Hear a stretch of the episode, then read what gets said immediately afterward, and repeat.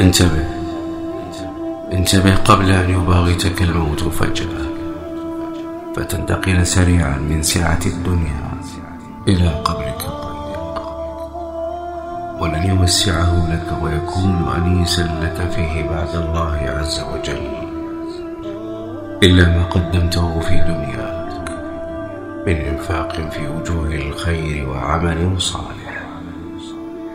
وإن لك في من أخذ من الأغنياء فجأة للدار الآخرة لعبرة زاجرة والعاقل الذكي من وعظ بغيره واحذر أن تعجب بنفسك فتتكبر بمال الله على خلق الله.